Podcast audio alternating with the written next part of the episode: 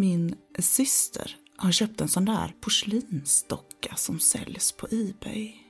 En sån där som sägs vara hemsökt. Den ser egentligen ut som vilken söt porslinsdocka som helst. Ett sött ansikte, en blank klänning med ryschpysch och spetsar. Långt brunt hår i lockar som faktiskt ser helt verklighet ut. En liten hatt med en blomma i. Den är jättesöt. Men som sagt ska den vara hemsökt. När hon köpte den, när den väl kom, så var den förpackad i en låda i en låda. En fraktkartong från företaget och i den en vackert pyntad låda med lock. Som en större skokartong ungefär, fast med plast i locket så att man kunde se igenom.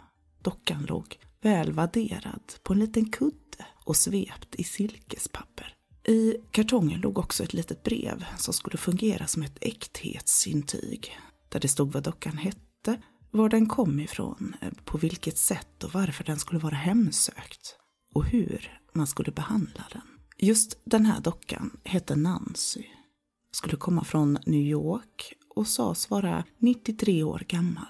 Hemsökt av en liten pojke som var både busig och villig att leka men som också kunde bli arg om han försummades eller behandlades illa. Jag trodde inte ett dugg på det då. Jag tyckte det var ren trams, vilket min syster knappast brydde sig om. Men nu är jag inte lika säker längre. Det har hänt en del underliga saker här hemma sedan dockan kom till huset. Min syster är väl den som har testat det mest, det är ju ändå hennes docka.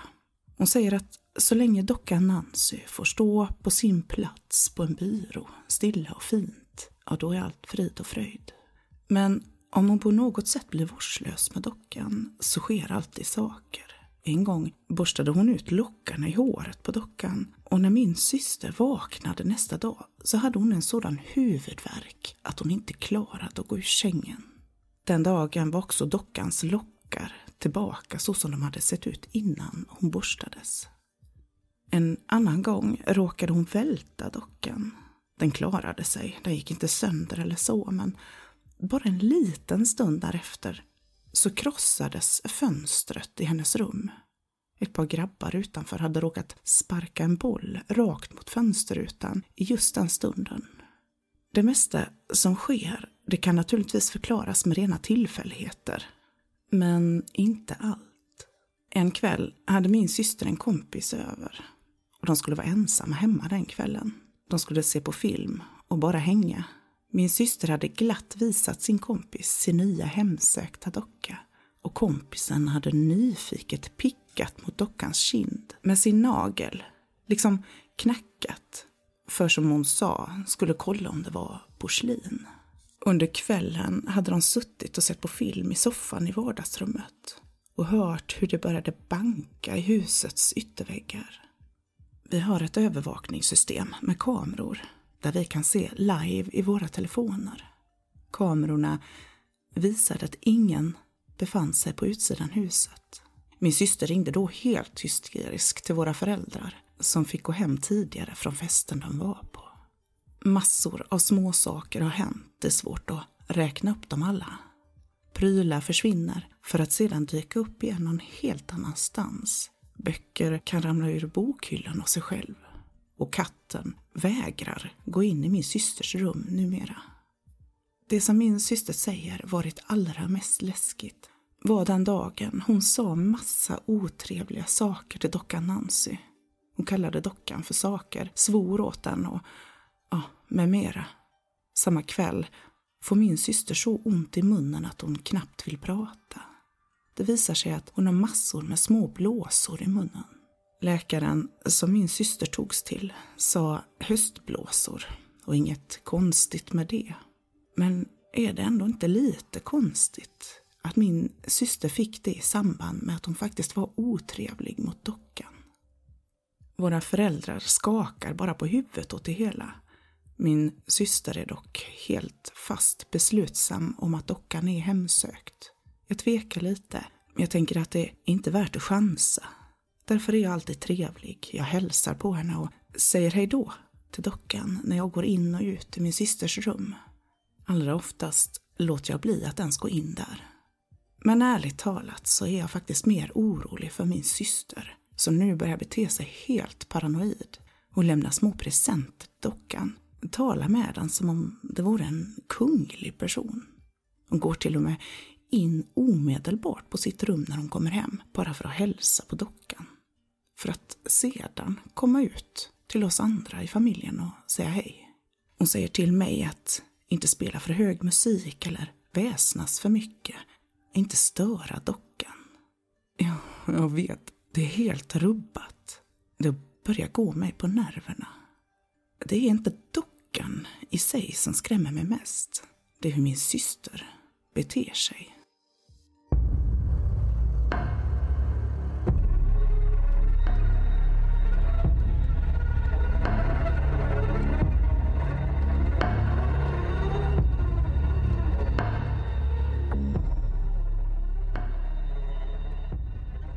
Välkommen till podden Rysningar. En nu relativt nystartad podd där vi bekantar oss med myter och legender och rent förskräckliga historier. Och så även lyssnarberättelser.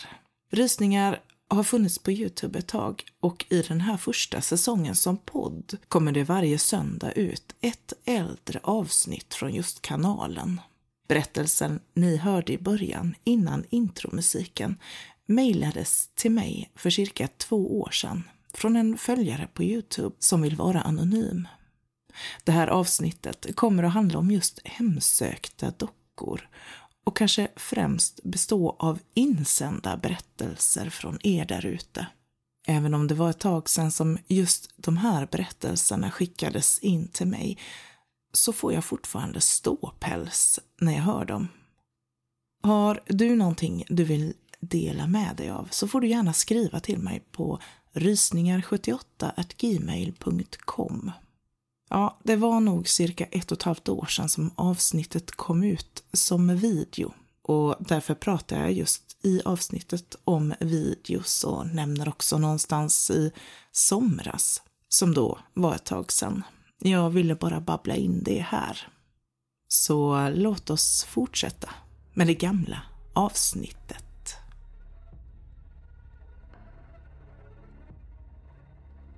Om ni inte har hunnit lista ut det så hade jag tänkt att den här videon skulle få handla om hemsökta dockor.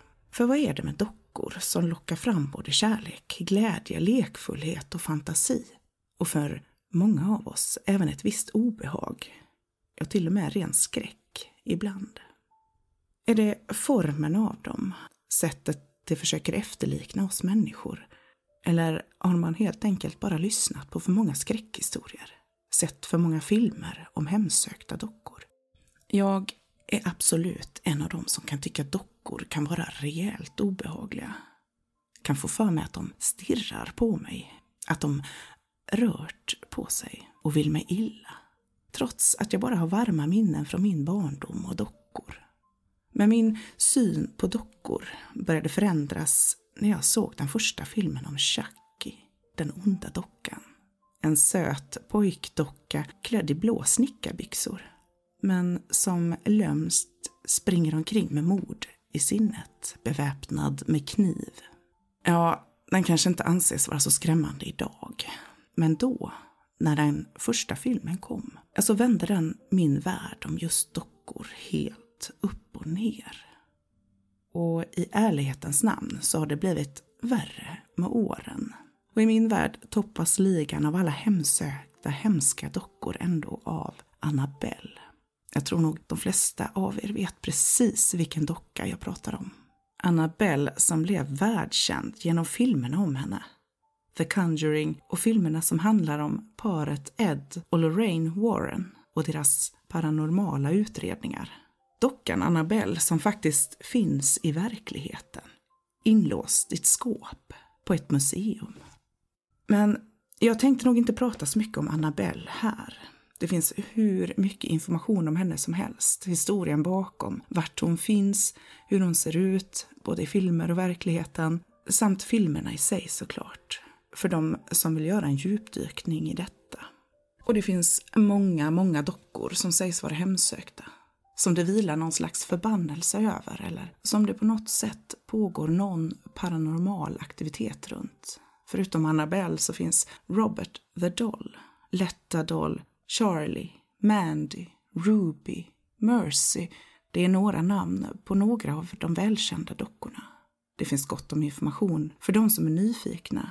Och många är även de som berättar om dem. Och jag tänkte att det kanske inte behövs en till. För eh, det är inte de här dockorna som lockar mig längre. Hysterin över de välkända dockorna och legenderna bakom dem har blivit så uttjatade, så överbelastade, så till den milda grad att man har tröttnat. Det är snarare era berättelser om dockor, de där när ni har upplevt någonting i samband med dockor som istället skickar ilningar längs ryggraden och får håren på armarna att resa sig. De här berättelserna kryper liksom närmare på något sätt och jag är så glad att jag får ta del av dem och återberätta dem här.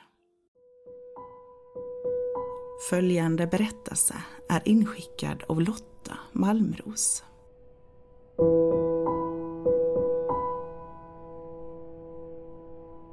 Jag och min bästa vän Jessica, vi har en hobby tillsammans. Vi gör dockor.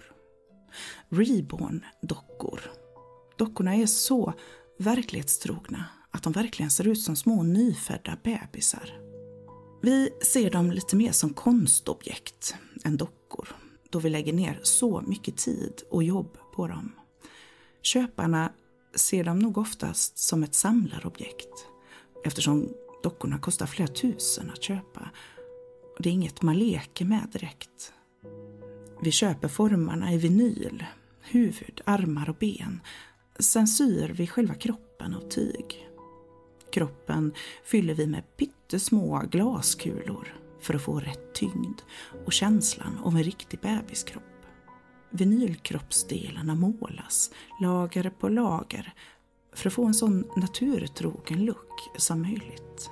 Ytliga blodkärl målas och olika färgnyanser i små hudveck, runt ögon och så vidare. Mellan varje målning ska även färgen härdas. Hår på huvudet samt de små ögonfransarna består av riktigt mohairhår och de rotas fast med en speciell nål. Det är ett pilligt och tidskrävande jobb.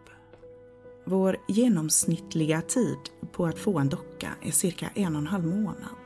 Men vi har så otroligt trevligt när vi sitter tillsammans och pysslar med detta. Vi har sålt säkert över hundra dockor vid det här laget. Och aldrig har vi fått ett enda klagomål. Fantastiskt tålmodiga kunder har fått vänta på sina beställningar men också fått mycket välgjorda och fina dockor. Bara en gång har en köpare hört av sig efteråt i någon form av ett missnöje. Eller hon hörde egentligen inte av sig alls först. Dockan skickades tillbaka nästan ett halvår efter att köparen hade mottagit sin docka. Den kom med bud utan krav på återbetalning eller någonting sådant. Tillsammans med dockan låg en lapp, en handskriven, om hur köparen ansåg att dockan ställde till med besvär. Den skrämdes och skapade olycka och denna skulle vara glad om eh, denna aldrig behövde se den igen. Det stod en önskan om att dockan skulle förstöras och absolut inte säljas eller ges bort till någon annan. Det var allt. Inga krav, inga kontaktuppgifter, ingenting. Den söta lilla bebisdockan var som orörd. Inga märken, inget slitage eller yttre påverkan överhuvudtaget. Allt var mycket märkligt. Vi hade ju kunnat nöja oss där, helt klart bara sälja dockan till någon annan och gått vidare. Men både jag och Jessica blev så nyfikna på vad det hela handlade om så vi ville ta reda på mer. Och eftersom vi har markerat alla dockor med ett nummer och kan synka det här numret med våran kundlista så kunde vi få tag på köparens uppgifter. Vi provade att mejla ett par gånger men utan svar och faktiskt ringa en gång bara för att hamna hos en röstbrevlåda. Men några dagar senare så ringde faktiskt en kvinna upp Jessica som stod som kontaktperson för vår lilla hobbyverksamhet. Kvinnan ursäktade sitt sätt men förklarade att hon faktiskt var livrädd för dockan som hon hade köpt av oss. Hon var helt övertygad om att den var besatt av något ont och att den ville henne illa. Hon berättade om många olyckor och hemskheter som hade skett sedan hon köpte dockan. Hon tyckte sig höra viskningar från den och hur det tassade i lägenheten om natten fastän hon bodde ensam. Hon hade inte hjärtat att på något sätt göra sig av med dockan. Den var alltför lik en riktig baby. Och vem slänger en baby i sopnedkastet liksom? Skulle inte kännas klokt, menade hon. Hon var dessutom övertygad om att den var farlig. Att hon heller inte kunde ge bort den i rädsla för att någon annan skulle fara illa. Det enda rätta som hon kunde komma på det var att skicka tillbaka dockan och låta tillverkaren ta hand om den. Alltså vi. Naturligtvis återbetalade vi hela köpet. Jessica hade fullt upp den närmaste tiden att försöka hålla sig för skratten när vi pratade om det här. Behöver jag nämna att hon inte tror på onda andar, demoner eller hemsökta dockor. Det kanske inte jag heller gör egentligen, men jag vet ju inte. Skulle det verkligen vara så omöjligt? Ingen av oss har fördömt dockan under tillverkningen. Ingen ond ande har huserat, vad jag vet, runt den. Den har inte ställt till med någonting alls när den har varit hos oss. Den har nu flyttat hem till Jessica, där den bor som visningsdocka, inglasad. Själv tycker jag det ser helt brutalt ut. En bebis i en bur. Eller som en hemsökt docka på ett museum. Jag kanske är fånig, men jag vill vara på den säkra sidan. Så efter en hel del övertalning av Jessica så låter hon mig numera peta in lite salvia samt salt tillsammans med glaskulorna i dockans kropp innan jag sätter det sista stygnet för att tillsluta de nya tygkropparna.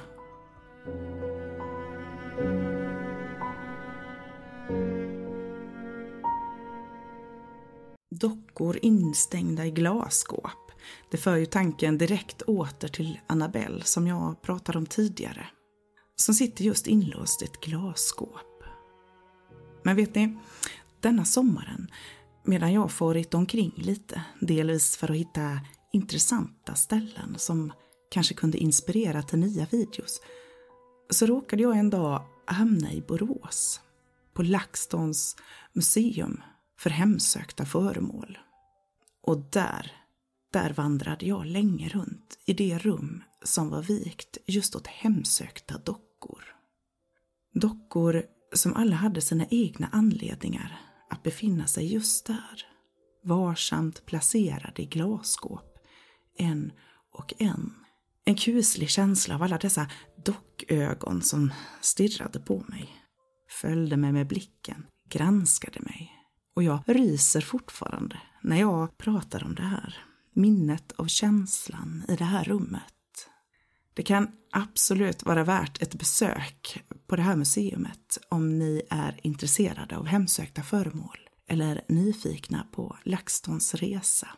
Jag tänkte avsluta den här videon med ytterligare en berättelse om dockor som kommit till mig men först vill jag passa på att säga tack för den här gången och skriv gärna till mig. Ta hand om er där ute. Nu Babushka-dockan inskickad av Agneta Olsson.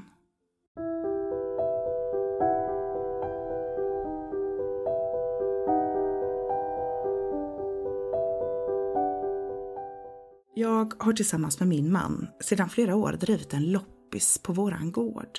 En liten hästgård på landsbygden, inte långt ifrån Trelleborg. Hela loppisverksamheten började med att vi, alltså jag och min man, stod ensamma som arvtagare till tre bortgångna släktingar inom ett års tid.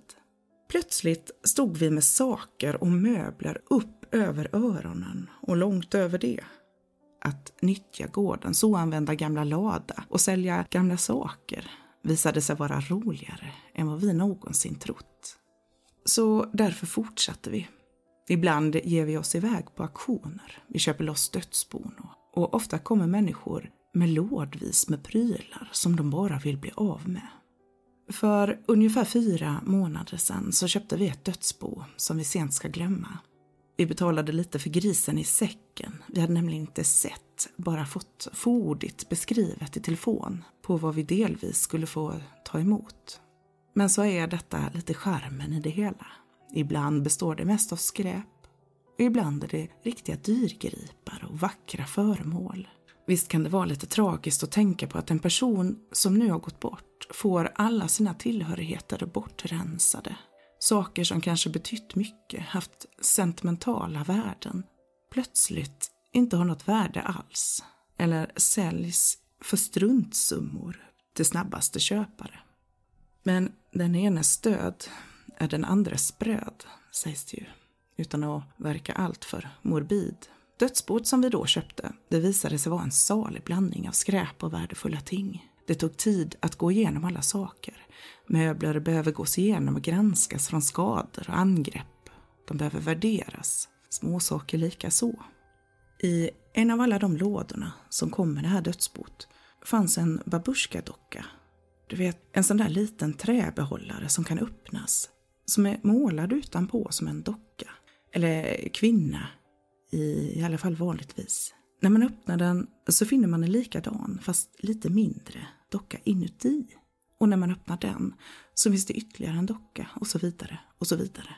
Tills man har en hel uppsättning av likadana målade dockor, men i olika storlekar. Och den allra minsta dockan brukar vara mycket liten till formen och inte öppningsbar. Jag hade haft en uppsättning av sådana i min barndom som jag hade fått i present av min mormor och morfar efter att de hade varit på resa i Ryssland. Denna variant av babusjkadocka såg eh, väldigt annorlunda ut. De var målade i mörka färger, helt annorlunda från de klara, glada färger som jag mindes att min uppsättning var. De såg hemskt gamla ut. Jag granskade dem, alla åtta av dem. De såg handmålade ut. På flera ställen var färgen sliten och träet var skadat. Eller så hade ytbehandlingen rest sig. De verkade sköra. Men ingenstans fanns någon signatur eller stämpel. Inget årtal eller något som kunde avslöja varifrån dockorna kom, vem som hade tillverkat dem eller när.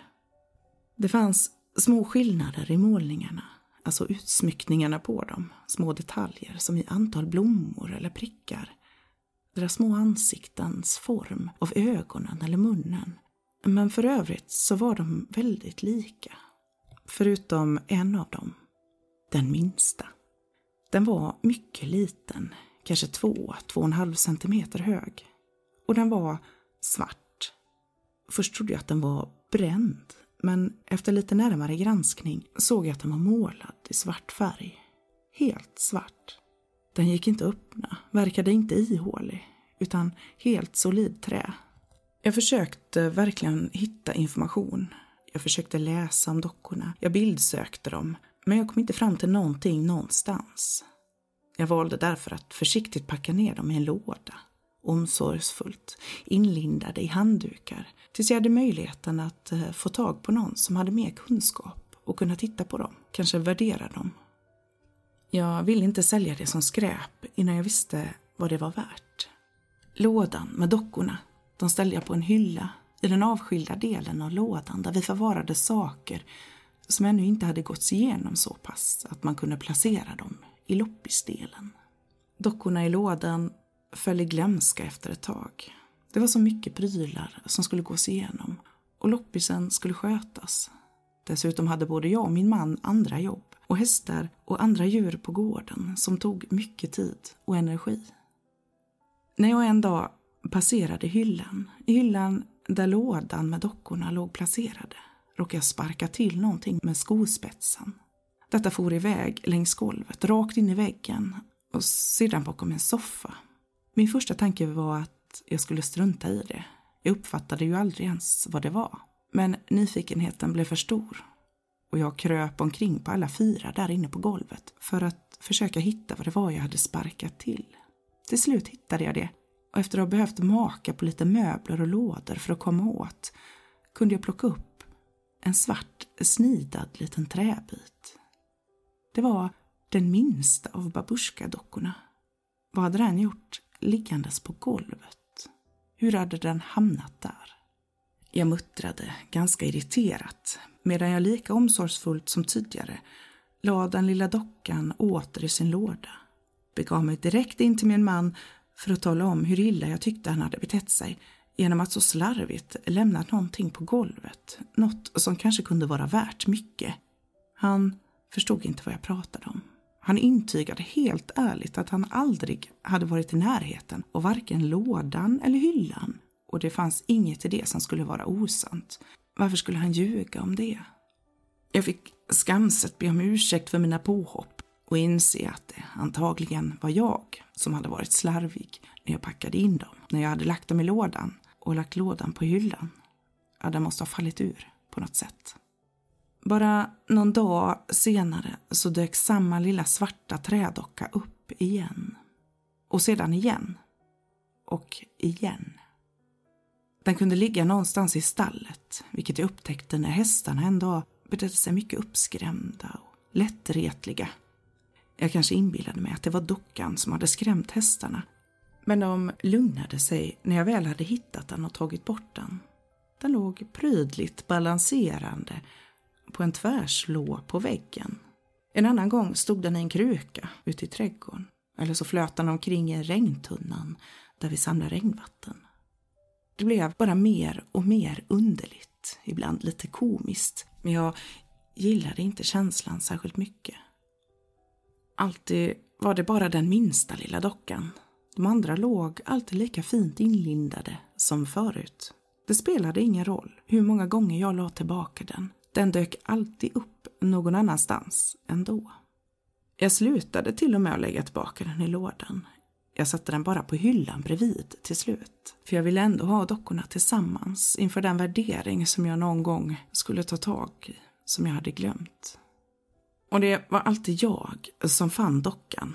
Och många gånger förhörde jag min man, jag rannsakade honom, trodde många gånger att han drev med mig. Inga andra människor fanns på gården. Inga grannar som gick omkring här. Inga kunder till loppisen som gick in i den delen av ladan. Jag fick inte ihop det. Även om det var knasigt så uppfattade jag det aldrig som obehagligt. Inte förrän den dagen jag fann dockan på översta trappsteget in till huset. Och med solklart minne hur jag kvällen innan hade placerat dockan i ett låst skrin inne i ladan. Och jag hade den enda nyckeln till skrinet förvarat i en kedja runt min hals sedan dess. Då då först blev det obehagligt och fullständigt oförklarligt. Jag blev både rädd och arg på den här leken. Så jag, utan att tänka, jag böjde upp knät och med all kraft jag i det läget kunde få satte jag ner min känga över dockan.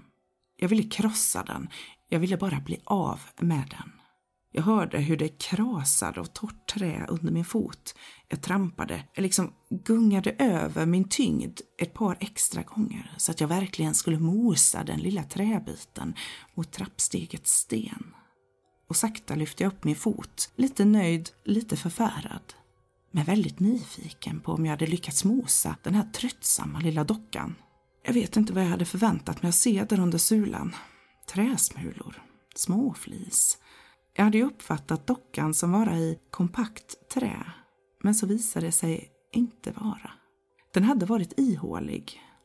Den hade haft ett innehåll. Den lilla trädockan låg nu i små, svarta bitar. Ingenstans syntes trären färg, utan alla bitar såg ut att vara helt genomgående svarta. Samma svarta färg som jag trodde att dockan var målad i. Men det var inte det här som fångade min blick.